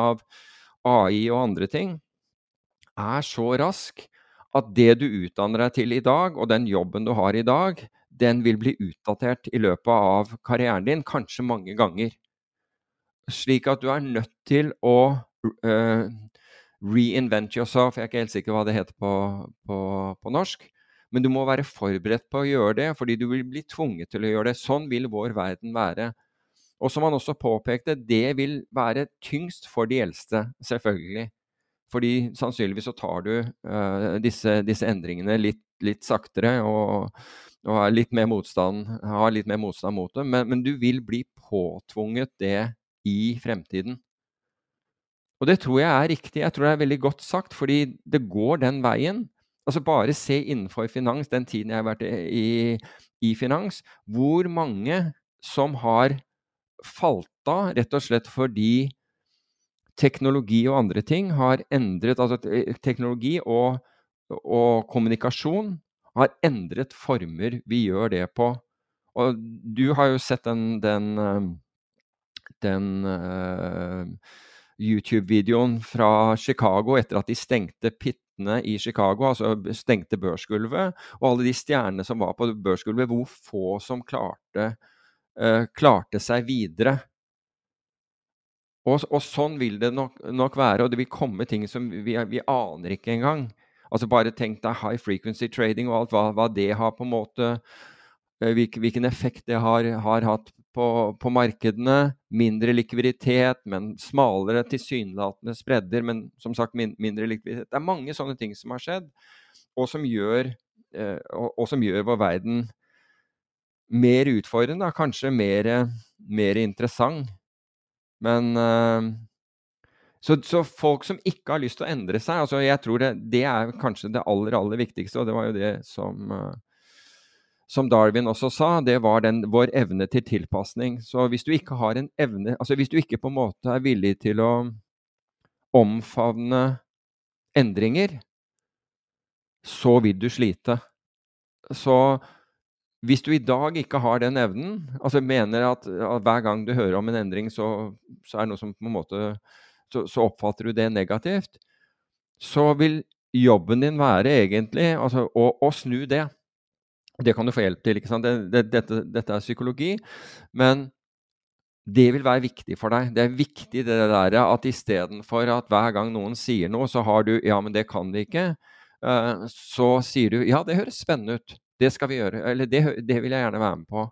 Altså Bare det å kunne si det, og dette, dette var jo tatt opp akkurat på den måten under, under, dette, under den konferansen det Istedenfor å si 'nei, det vil jeg ikke', altså for jeg har grunner for det, så, så svar ja. Det høres interessant ut. eller noe sånt. Det, det hjelper faktisk eh, deg i hjernen.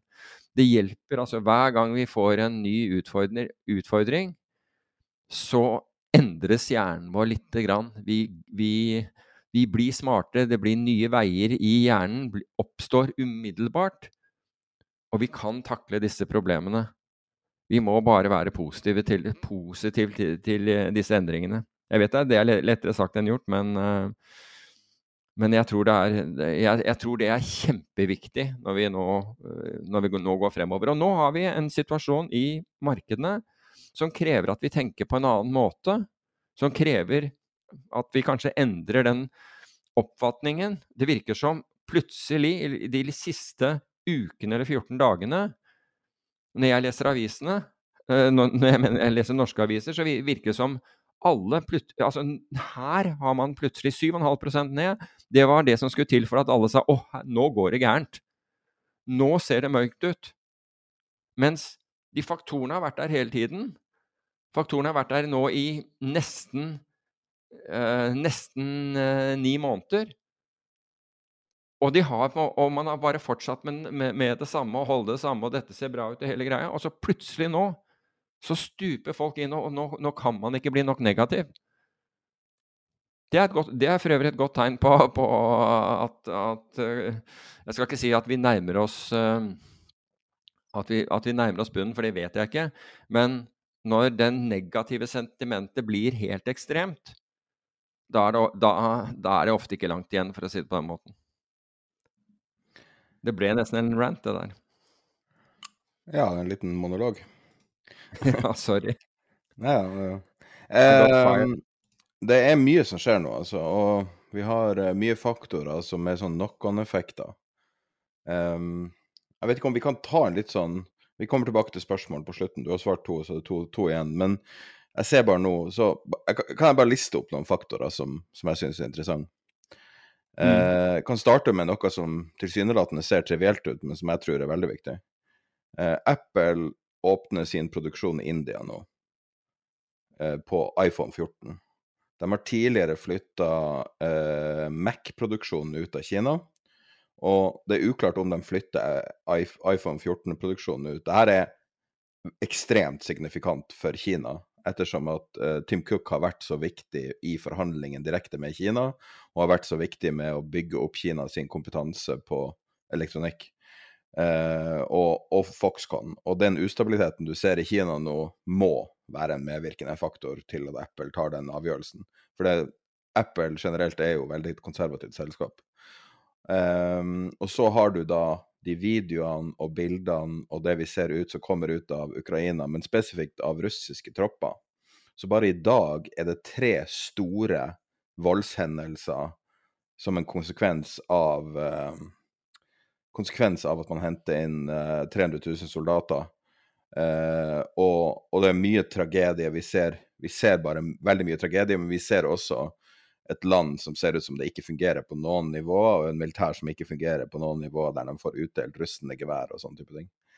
Um, så jeg føler at det her året her, og kanskje det tiåret vi går inn i Når CNBC i dag f.eks. sier uh, over ti år, så en tiårsperiode, når som helst, hvordan du eh, setter, um, hvordan du setter X-aksen, så vil du stort sett ha ca. 5% avkastning på aksjer i året. Det sa de i dag. Og så sa de etterpå kanskje den tida er over. Og det her er snakk om CNBC, de mest bullish, konsekvent mest bullish folkene i media. Og det at de bare åpner døra for at de ikke klarer å se en mulighet for at ting kan bli bedre, det er noe jeg ikke har hørt fra dem før. Og så har du Du har så mange store svingninger. Du har de her vanvittige svingningene i valutamarkedet eh, i alle mulige slags valuta nå, som om, om det indikerer bare at at det her er blitt mer nasjonale problemer enn selskapsproblemer, kanskje, men det kan jo også bety at likviditeten om mulig er blitt enda tynnere. Og, og kanskje valutamarkedet ikke betyr noe, kanskje alt det her handler om de sinnssyke bevegelsene vi ser i statsobligasjonene. Så det jeg lurer på er, hvordan ser den nye virkeligheten ut? Hvordan ser en virkelighet med et svekka Kina, kanskje et sterkere USA, jeg vet ikke. Kanskje de får uttelling for uh, med investeringer i i um, i våpen de siste 100 årene. Og, og de, du ser jo nå hvor langt de ligger foran sine fiender. Og jeg lurer bare på det her året, det her øyeblikket, den helga, de her dagene her føles annerledes. Det her føles viktigere. Jeg kan ikke si hvorfor, men det bare føles viktigere. Store, store ting skjer hver time. Hva er det som skjer? Hva er det underliggende?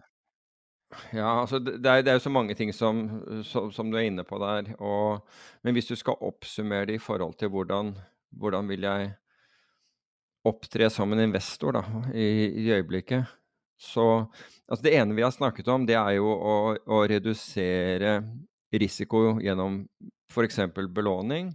Og så ser du at amerikanske institusjoner, og det, det gjelder sikkert også europeiske, men vi har ikke, vi har ikke så granulerte data eh, fra dem som vi har fra, fra, USA, så ser du amerikanske, store amerikanske investorer beskytter seg på nedsiden gjennom å kjøpe salgsopsjoner. Det gjøres i, i massiv grad for, for, å, for, å, demme opp en, en mulig risiko. Men jeg, altså dette blir som dette blir som å løpe e, et langt løp. Altså La oss si en maraton, bare, bare, for å ta det. Du vet at du skal 42 km i, i løpet av en maraton, men på deler av den veien så blir du ekstremt altså så, så vil du ha ekstreme svingninger i, i dessverre, i, både sånn i hvordan du føler deg, og mentalt så vel som, som fysisk.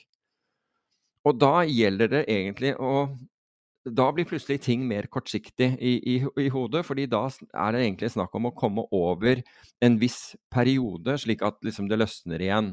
Kan være at det er en lang oppoverbakke, eller det kan være et eller annet sånt. Det behøver ikke å være det i det hele tatt. Det kan, bare være hvordan du føler deg, og frem til en matstasjon, e, eller, eller hva som helst. Men da blir man veldig Altså, Måten jeg dealer med, med slikt på, det er, det er, at jeg blir veldig sånn innad, men jeg blir også veldig kortsiktig. Da gjelder det å nå den, f.eks. den neste matstasjonen. Jeg korter dette ned fremfor å tenke at uh, selv når jeg har kommet dit, så er det, så er det 18 km igjen, eller et eller annet sånt. Altså, du bare prøver å korte, altså, korte dette her ned, for jeg vet at jeg, hvis jeg overlever frem, altså overlever i anførselstegn, frem til den neste matstasjonen, eller, eller jeg vet at det begynner å gå nedover når jeg bare Det er ikke så langt igjen før det begynner å gå nedover kortere ned til det.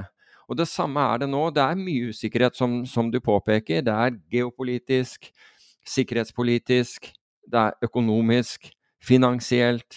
Vi har rente, vi har inflasjon. Alle disse tingene virker veldig usikre, men samtidig så er det i disse periodene hvor vi kan gjøre det veldig bra. Men det betinger at vi overlever den. Så det må være det, det, må være det viktigste. Hvis du står på brinken av stupet, så ta, det, så, så ta, skrittet bakover. altså Jeg forutsetter at du ser utover stupet. Ta skrittet bakover, liksom reduser litt risiko, skaff deg litt handlerom frem, frem, fremfor noe annet. For det kommer muligheter ut av, av dette, det er helt uh, garantert. Men du må være i stand til å kunne ta, utnytte de mulighetene. Du kan ikke ha hendene og føttene bundet sammen og et svært lodd rundt, rundt bena når Eh, når mulighetene eh, endelig skjer. Så det er viktig å liksom skaffe seg litt, litt, eh, handlingsrom, og ro i hodet også, for den, for den, saks skyld. Men ut av dette kommer det muligheter. Alle disse tingene skaper muligheter. Det skaper selvfølgelig Altså, det som foregår i, i uh, Ukraina, er en enorm tragedie. Og det, det, føles nesten galt å si at det skaper muligheter samtidig, men, men det ene utelukker ikke det andre i, i dette. Fordi vi snakker om å, å, å overleve økonomisk, f.eks. nå, hvor strømforbruket vi kutter det til, til, til, det minimale, har det dritt kaldt i, i huset osv. Jeg har akkurat fått, fått, levert to kubikk med, med, med, med ved rett før, uh, rett før uh, sending. Uh, men tenke på, på, på, akkurat det der jeg trenger å komme meg gjennom den, denne perioden. Men denne perioden vil åpne muligheter. Det at det blir store svingninger i valuta, i renter, i, i aksjer, skaper muligheter. Kanskje det blir de beste mulighetene du har sett i, på, på ti år. Rett og slett som følge av, av, av, av hva som skjer. Og ting vil bli feil priset. Men hvis de er for dyre i øyeblikket, så blir de billigere. Er de billigere, så kan det hende at de blir enda billigere. Men hvis du er sikker på, på, på din sak og har gjort jobben, så, så, så kan det likevel være verdt å, å, satse. Det er jo altså I forbindelse med dette her med å, å skal, skal ha inn 300 000 nye mann i det russiske forsvaret altså Vet du hvordan basic trening foregår i, i Russland, kontra hvordan det f.eks. foregår i Storbritannia? Jeg tror ikke de har basic training i Russland i det hele tatt. Nei, du kan kalle det hva du vil, men det er fem dager. Er det det? Det er fem dager med grunnopplæring, og så blir du sendt til en, en, en, en, enhet. Tenk deg fem dager med utdannelse, så havner du i en enhet så, så, som opererer Altså det dette har avdekket, det er at det selvfølgelig finnes uh, russiske tropper som er bra. Altså, du har, du har liksom fallskjermjegerne som de trekker inn fra, fra Syria i øyeblikket. Du har Spetsnaz, som er jo en spesialstyrke som er ekstremt stor. Men mye av dette her har jo, har jo, har jo blitt, uh, blitt, drept i, uh, i, Ukraina allerede. og så tar man inn, inn riktignok inn friske tropper. Men, men, det resterende, altså det dette har avslørt, er jo at på soldatnivå så er altså, Jeg tror at Vesten har, har blitt overrasket over hvor dårlig stelt det sto til på, med, med mannskapene. Og hvor egentlig avhengig de er av panseret sitt. For det har de hatt betydelig mye av. Men mye av det har jo blitt slått ut også i, eh, i Ukraina. Så hvis du slår ut panseret, så ender du opp med soldater som har lite trening og en shaky moral, for å si det på den måten. Altså det, det, de har ikke akkurat noe stort ønske om å gå i krigen. Aftenposten skrev i forrige uke om en, en eh, Hva var det for noe? Eh, det var et, et, et, et orkester i Donetsk, hvor, hvor, eh, hvor man har tvangsvervet en del av mennene i orkesteret til, til, å delta i, i kamphandlinger, og de, de, de, ble drept. Så, så, den villigheten, den moral Altså, de har jo ikke I, i Ukraina så er det en stor kampvilje hos folket, det er helt tydelig. Russ, eh, russerne har jo ikke den kampviljen whatsoever. Altså, det er, det, som sagt, det, er, det fins tropper som har det, men i, i, stor, i, stor, grad så er sikkert spørsmålet hva gjør jeg her?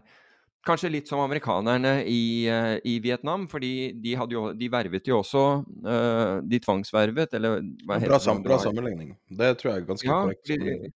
Og du havnet da i, et, i, en annen verdensdel, i et fullstendig annet klima. Hvor, hvor, eh, hvor, folk fikk blåst av seg føtter og ble skutt og, altså, ja, miner og, og, og ble, ble, skutt av en fiende de ikke, ikke, så. Altså Kampmoralen og kampviljen din er ikke spesielt høy. Ukrainske... det, det virker som at de her 300 000 soldatene var et slags vannskille. Jeg tenker på fra Putins personlige perspektiv. Han har jo hatt sannsynligvis ganske lojale folk rundt seg i, i lang, lang tid. Altså dem som er fysisk rundt han. Eh, men plutselig nå, i og med at alle har familie, alle har venner, eh, alle har potensielle folk som blir sendt ut til døden, som, som det det i realiteten er. Og mm. alle er jo nå, fra hans perspektiv, sannsynligvis en potensiell attentatmann.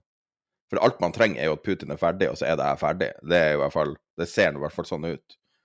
En helt meningsløs altså, Jeg kan jo vel ikke huske at man har sett åpenlys kritikk mot ham uh, tidligere. Og nå ser vi jo rett og slett at folk flykter over For, for øvrig, vet du hva tallet 93 000 er? Eller hva står uh, er representativ for? Jeg prøver å tenke på hva clever, men jeg kommer ikke på noe. Nei, 93 000 kroner var flybillett på økonomiklasse fra Mos Moskva til Dubai i forrige uke. Den kom opp i tre, altså tilsvarende 93 000 norske kroner. Jeg så jeg leste så, en, en, kar som hadde stått i, um, i tolla på flyplassen i Moskva den dagen det var. Han sa at det var bare helt stille i rommet, sånn elektrisk stemning, og alle menn i rommet hadde øyekontakt med hverandre, helt stille bare. Og, og så ble han tatt inn, og, og ble, alle ble liksom innkalt på intervju. Og så én etter én så var det liksom bare sånn Ja, hvorfor har ikke du vært i militæret? Hvorfor vil du ikke i militæret? Hvorfor er du Og så sitter de liksom og hånflirer dem opp i ansiktet. Men pga. at det fortsatt var lov å fly, flykte fra landet, så måtte de slippe dem. Men jeg syns det var mm. veldig godt beskrevet der, den der stille blikkontakten. Alle vet nøyaktig alvoret i det her. Alle vet hvor utrolig viktig det er å komme seg gjennom den, den lille tollstasjonen der. Det er basically liv eller mm. død. Uh, det er veldig, det er veldig ramme alvor, det vi ser nå. Det er, det er litt vanskelig på en måte nesten å forstå det, fordi at det er sånne ting man ofte leser i bøker eller ser i filmer fra fortida. Bokstavelig talt i går ja. så er kongens tale som, som, handler om et sånn øyeblikk i historien. Mm. Um, og, og, og, det viser jo også hvor viktig symbolikk er. Altså det var jo, Kongens tale er jo veldig fin for å vise at de små tingene kan ha enorm betydning. Av og til så betyr ord mer enn handlinger. Uh, I det siste så har jo handlinger betydd mer enn ord. Men uh, det virker som at uh, hva enn slags uh, grep Putin hadde om den russiske folkesjela, virker å glippe med den der, den der tvangsinnkallinga. Mm. Jeg vet ikke hva du syns. Hva du, hva du syns om USA sin på en måte freidighet? Er det det at de er det det at de har våpen som kanskje er så sterke og så kraftige F.eks. ting som kan stoppe missiler.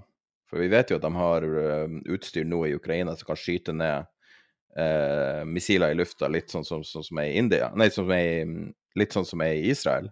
Sitter USA med kapasiteter eh, vi ikke er kjent med? Det vet jeg ikke, for jeg vet ikke hva konsekvensen vil være med, med, med å treffe et i lufta, for å være helt ærlig. Om, om det ville være noe man reelt sett ønsket å gjøre.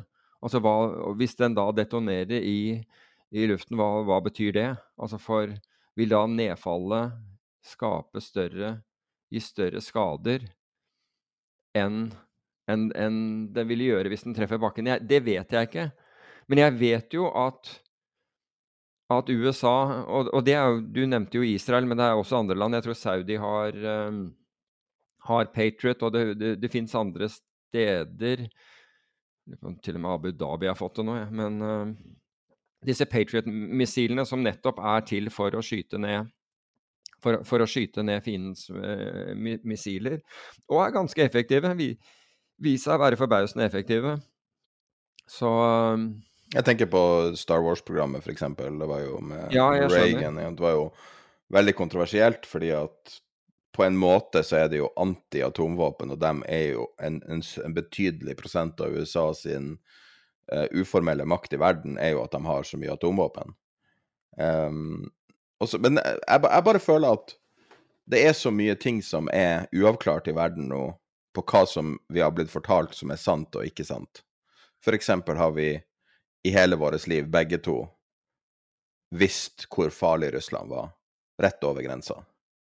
Mm. Og så endelig får de sjansen til å vise hvor bra de er. Og så er det en gjeng med alkoholikere som Altså, jeg, jeg så en video i går. Altså, det her, er, altså, det her høres ut som en vits. Han kommer, han er dritings i bar overkropp med et russisk flagg og har tydeligvis kryssa ei eller anna eh, linje, altså eh, liksom line of fire, på en måte og ukrainske soldater filmer han og sier 'stopp, gå tilbake, gå tilbake', og så går han inn i et minefelt med et stort russisk flagg. Altså Det så ut som han prøvde å gi en illustrasjon av den totale situasjonen. Altså Jeg skjønner jo at det er veldig tragisk. Jeg syns det er utrolig tragisk å se russiske soldater dø. De, de ser så desperate ut.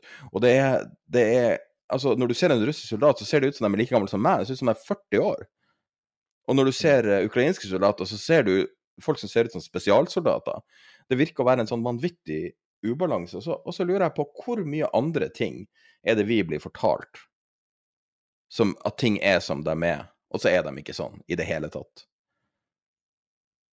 Nei, det, det er opplagt mens en, mens en krig pågår, så, jo, så, må du stille spørsmål ved all informasjon du får. Og det gjelder jo også vestlig, vestlig etterretning, for den prøver jo også å påvirke, påvirke hvilket syn vi har på, på, denne, på denne, krigen. Så det er, det er vanskelig å vite. Um, men en del av ja, altså, pro Problemet vårt er at vi har jo en egentlig Her sliter vi med vår egen bekreftelsesbias, ikke sant? At hver gang vi ser noe som Altså hvis du er da forutsatt, forutsatt at du er eh, pro Ukraina, så vil du jo ta til deg alt det som sies om som er positivt for ukrainerne, være seg våpen, slått ut ting eller negative ting om Russland, vil du, vil du ta til deg, og det vil styrke din tro. På samme måte så, så vet jeg faktisk for, for, om folk som, som, holder med, som holder med Putin. Og det er ekstremt vanskelig helt ekstremt vanskelig å påstå noe som da kan være negativt for russiske soldater. Alt, alt, er da fake news. Det er litt som Trump. Det er med en gang du sier noe, fake news. Vet fake du at de sendte Fox News på russisk propaganda-TV i helga? Jeg skjønner hvorfor, for å si det på den måten. De sender den største talsmannen fra Fox News, han der kommentatoren, jeg husker ikke han uh, han som går med tverroversløyfe, og, uh, og sitter der og sier hvor fantastisk Putin er. Eller Tucker Carlson, eller Tucker Carlson, ja. Og sitter og sier hvor fantastisk sterk Putin er, og han er så smart, han er så flink, og han har så, så mye magemuskler, og gud vet hva han ikke kan. Mm. Og det Altså, bare altså, tenk deg nå å fortelle Ronald Reagan det, for eksempel, eller, eh, eller en eller annen republikansk president tilbake i tid og si at bare vent noen tiår, så sitter de på republikansk TV og hylle Stalin, altså i praksis. Ja, det, det, er jo sånn som et sånn marerittscenario i en science fiction-film laga på 60-tallet i USA. Men det er også surrealistisk. Det er, det er helt surrealistisk også i, for, i forhold til, til, til, Trump. Altså når du tenker på hvor russisk fobia USA tidligere har vært, og så får man da får man da bekreftelser på at, de, at Russland grep inn til fordel for Trump under valgkampen. Ikke at Du har ikke fått bevis for at Trump øh, visste om det eller var delaktig i det, men du vet 100% at de gjorde det. At, at Russland påvirket valget i, i favør av, øh, av Trump. Og det spiller ingen rolle for republikanerne. Det er like bra. Det Altså, jeg hadde, jeg hadde ikke sett den komme. Og tenk deg at vi har holdt på nesten i to timer nå. Vi har ikke nevnt de eh, ikke så veldig kredible statskuppryktene om Kina som var i helga. Mm. Eh, dog eh, Alt tyder jo på at det er den der Falun Gong-organisasjonen som står bak ryktene. Det er nok Aha. ikke kredible rykter. Men bare det at de er der, bare det at de er så store, bare det at det var nummer én trendende tema gjennom, på Twitter i hele helga, var China Coup. Eh, signaliserer jo at den medieorganisasjonen som er veldig, veldig veldig kritisk til eh, ledelsen i Kina, som, som er i Kina, eh, at de er så sofistikert at de klarer å ikke bare plante et rykte, men å virkelig holde trykket gående, og så stille mm. spørsmål. Og så, og så kommer mandagen, og så og så Selvfølgelig er det urelatert at Apple flytter deler av produksjonen eller hele produksjonen ut av Kina, men det er jo signifikant at et land som har så stålkontroll på informasjonen, på en måte i anførselstegn til, tillater at, uh, at noe sånt skjer. Et sterkt Kina uten covid zero ville sannsynligvis ikke ha ført et sånt rykte ut av det blå. Mulig. Mulig. Um... Men igjen, det er bare tilbake til det temaet at alders linjen må tegnes opp på nytt. Fordi at vi, vi, ting vi har tatt for gitt, virker jo å være ikke for gitt. Nei, og, og, det er jo det som Det er jo igjen Harari om, om endringer. Nå, det, dette medfører endringer. Og hvis vi, hvis vi tror at vi skal kunne forholde oss til alle ting på en nøyaktig samme måte som vi gjorde tidligere, fordi det er det mest komfortable å tro, så, så blir vi tapere på en måte i, i, dette. Vi må innse at det er noe nytt, og forholde oss, oss til det. Og så er det om du da ser det som Oi, det, det, blir spennende, det er en mulighet. Eller om du ser det som fullstendig tragisk. Dette vil jeg ikke være med på. Um, og der kommer darwinismen inn igjen. Vår evne til å tilpasse oss. Fordi det er akkurat det du sier. Det blir nye linjer. Jeg tror verken Eller det Vi vet jo fra, fra for ja, snart to, to, uker siden at både Modi, altså India, og Xi Jinping i, i Kina ser, ser, negative, helt tydelig negative konsekvenser av denne, denne krigen. På, på, verdenshandel og sikkert på, på, egen økonomi. Altså den krigen i Ukraina. Så her Det vil bli Men det, det medfører endringer. Og det, de, det verste er at de fleste som sikkert hører på oss nå, tenker nesten ubevisst at ja, men det kommer ikke til å gjelde meg. Gjør det, vet du. Det gjør det. Det blir endringer. Og det er bedre at man omfavner dem. Det er den rette måten å gjøre det på, er å omfavne endringer og tenke på at ok, det er spennende, nå skal jeg se hva jeg kan få gjort ut, ut av det, hvilke muligheter det gir meg. Istedenfor å ha strake armer og, håndflaten vendt oppover og utover. så sier de at det, 'ikke meg', jeg har ikke tenkt å, å endre meg i det hele tatt. De gjør det. Og, og, de som ser, og ut av alle slike ting så kommer det nye muligheter. Det er det som er Det er det som er, det er, det som er gulroten, holdt jeg på å si. Eller det er, det, det er der solskinnet ligger. liksom Ut av tåka, ut av skydekket, så plutselig kommer solen. Og, og, og det, er da man liksom må, må, gripe muligheten. Men, eh, men det, er, det er alvorspreget, absolutt. Eh, skal vi runde av med de to spørsmålene vi har igjen? Det kan vi gjøre. Eh, det er en lytter som eh, sendte det på jeg tror det var på chatten. Du snakket Taylor-strategi nylig og nevner at du snak skal snakke med Nasim Taleb. Kan du videreformidle det i neste episoden, inputen du fikk angående det? Jeg vet ikke om du har dekka det allerede? Ja, til viss grad har jeg gjort det, men, men det er, jeg har ha en, sånn, uh, en anekdote i forbindelse med det. Fordi uh, uh, Nasim Taleb er jo, er jo affiliated hvordan, Hva heter det? Altså, han har med dette Universa-fondet som Mark Spitznogel, som jobbet for Nasim opprinnelig, startet i, i California. Og som vi snakket om i forrige episode, så Tailrisk har hittil egentlig ikke virket i år. Og Årsaken til det er at vi, vi, har ikke sett volatiliteten gå så kraftig opp. Den touchet over 30, altså viksen på, på, på, fredag, men jeg tror den stengte så vidt under. Altså, og tailrisk-strategier kommer først til sin rett når det virkelig drar, altså når det virkelig er panikk. Og det at folk driver og kjøper eh, mye salgsopsjoner for tiden, tilsier også at du ikke kommer til de samme panikknivåene, eller i hvert fall vil det være mye mer kortsiktig? Jeg tror faktisk ikke at du gjør det når jeg, ser, når jeg ser at folk beskytter porteføljene sine så mye som de gjør nå. I hvert fall ikke for, for USA-del, at du kommer til, til, de panikknivåene.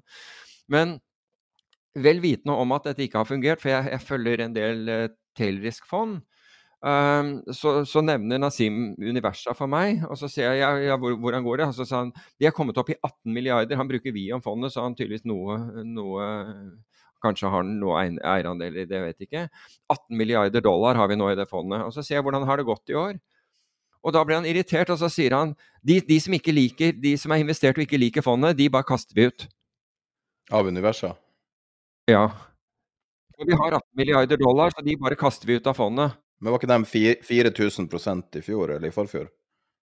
Ja, men nei, de gjorde ikke det. det altså, de gjorde eh, Altså, det var det var premien på, på, på, på, opsjoner som steg voldsomt i, i, verdi. Så de hadde liksom en sånn 4000% sak.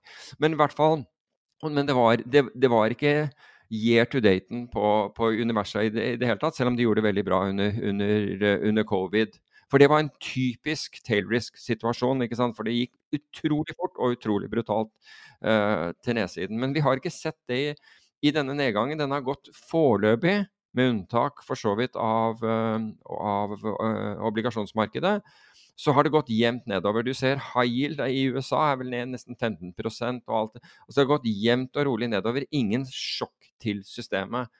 Og det er når du får sjokk til systemet at tail risk, altså konveksitet, virkelig uh, tjener, tjener, penger. Men, han, men han, det, rare var at han var ikke interessert i å ta uh, diskusjonen om kan vi gjøre ting annerledes? Er, altså, har vi noe å lære av dette? Han ble bare Han ble, ble bare rett og slett i, nærmest sånn irritert, for det var tydeligvis at noen av investorene ikke var fornøyd, fordi de, markedet hadde gått ned, og de hadde ikke tjent det de hadde håpet å tjene. Og, og de bare kastet de, de uh, ut av, uh, av, fondet. Men uh, men, men tail risk er jo bas, i, i basic altså du, Problemet, og det er jo akkurat det som Bo, vi nevnte tidligere i denne episoden her, med Boas Weinstein, som da klarte å finansiere opp, opp put-opsjonene som han kjøpte. Da har du ikke det vi kaller bleed, med andre ord at du, det koster ikke porteføljen din x antall prosent å beskytte den. For ellers er det som en forsikring. altså Når du har bilforsikring, har du betalt Gud vet hva du betaler. Men la oss si at du har betalt 20 000 kroner i bilforsikring eh, eh, et år, eller 10 000 kroner. Hvis du, øh, hvis du har, ikke har vært uheldig og fått en skade, så er det 20 000 kroner i dass. Rett og slett. Men altså, det er jo ikke det, fordi den har beskyttet deg. Men, men du har brukt 20 000 kroner, og du må betale nye 20 000 kroner for neste år for å, å forsikre bilen det er man helt Altså, man er så følsom for det samme i når det gjelder verdiene man eier, ved at det ses som et tap. Så det trekkes da fra den gevinsten, og så plutselig har du gjort det dårligere enn det beste fondet i året, og det er liksom årsaken til at du ikke klarer å performe. Ja, det kan være det. Det er helt greit. Altså, jeg vet ikke hvorfor vi ser det så annerledes å beskytte pengene våre, men, men, men man gjør det. Det finnes en rekke strategier som man kunne gjøre nå i dette markedet, hvor volatiliteten er blitt litt høyere, som, som er mye mer effektiv enn å bare sitte på aksjer. Ikke tenk på det, dere som er langsiktige, bare gjør det, det dere gjør. Men i det kortsiktige bildet, og hvis du er aktiv, så kan du gjøre, gjøre ting. Men hittil så har ikke tail risk virket pga. at du ikke har fått det opp, voldsomme oppsvinget i, i, uh, i volatilitet. Markedet har seget nedover til 20 men du har ikke fått det voldsomme oppsving, så du har ikke fått den effekten av det. Hvorvidt det kommer eller ikke, det vet jeg, det vet, det vet jeg ikke. Eh, men for Nasims del, hvis de har 18 milliarder i fondet, og f.eks. noen prosenter av det, eller 1% av det i året, så blir det penger av det uansett for dem. Og, og nedsiden er beskyttet mot, uh, mot, uh, mot, mot, det verste, tenk verste tenkelige scenarioet. Hvis du betaler 20 000 i bilforsikring, så kjører du enten dyrere biler enn snittet med ganske betydelig margin. Nei, nå, nå, jeg husker ikke hva det er. Eller så kommer du at... til å få telefon fra folk som vil selge deg bilforsikring. for at du ja, det kan på det. men altså, altså, jeg kjører jo en elbil, og elbil er dyrere enn andre biler å forsikre. Ja, det visste jeg ikke. Jo, det er vesentlig dyrere, fordi det visstnok så, er, eh, så blir, er skadene på elbiler Og det er fordi på elbiler så er gjerne karosseriet eh, tynnere enn en på andre biler fordi de skal spare vekt fordi, fordi de inneholder et batteri. Ja, var, Jeg merka ikke det når jeg hadde elbil, men uh, det er kanskje blitt dyrere. Okay, eh, ja, men, men, det er i hvert fall det forsikringsselskapene sier, er at skadene koster mye mer på elbil. Eh, kan vi ta siste spørsmål og så runde av? Ja. Eh, kort, enkelt, tror du altså Tether, den uh, stablecoin, som er den stablecoin. største, uh, som er backa av uh, masse um, amerikanske statspapirer og cash, tror du den kommer til å bli ramma og miste peggen uh, pga. den volatiliteten vi ser nå?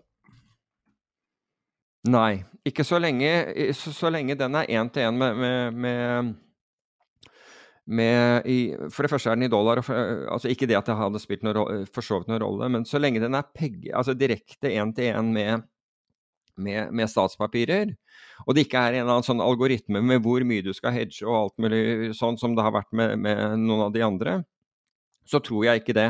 Jeg er ikke noe ekspert på dette, men så lenge du har et én-til-én-forhold, så, så, spiller det ingen rolle hvor mye den statsobligasjonen som du har kjøpt, svinger i verdi.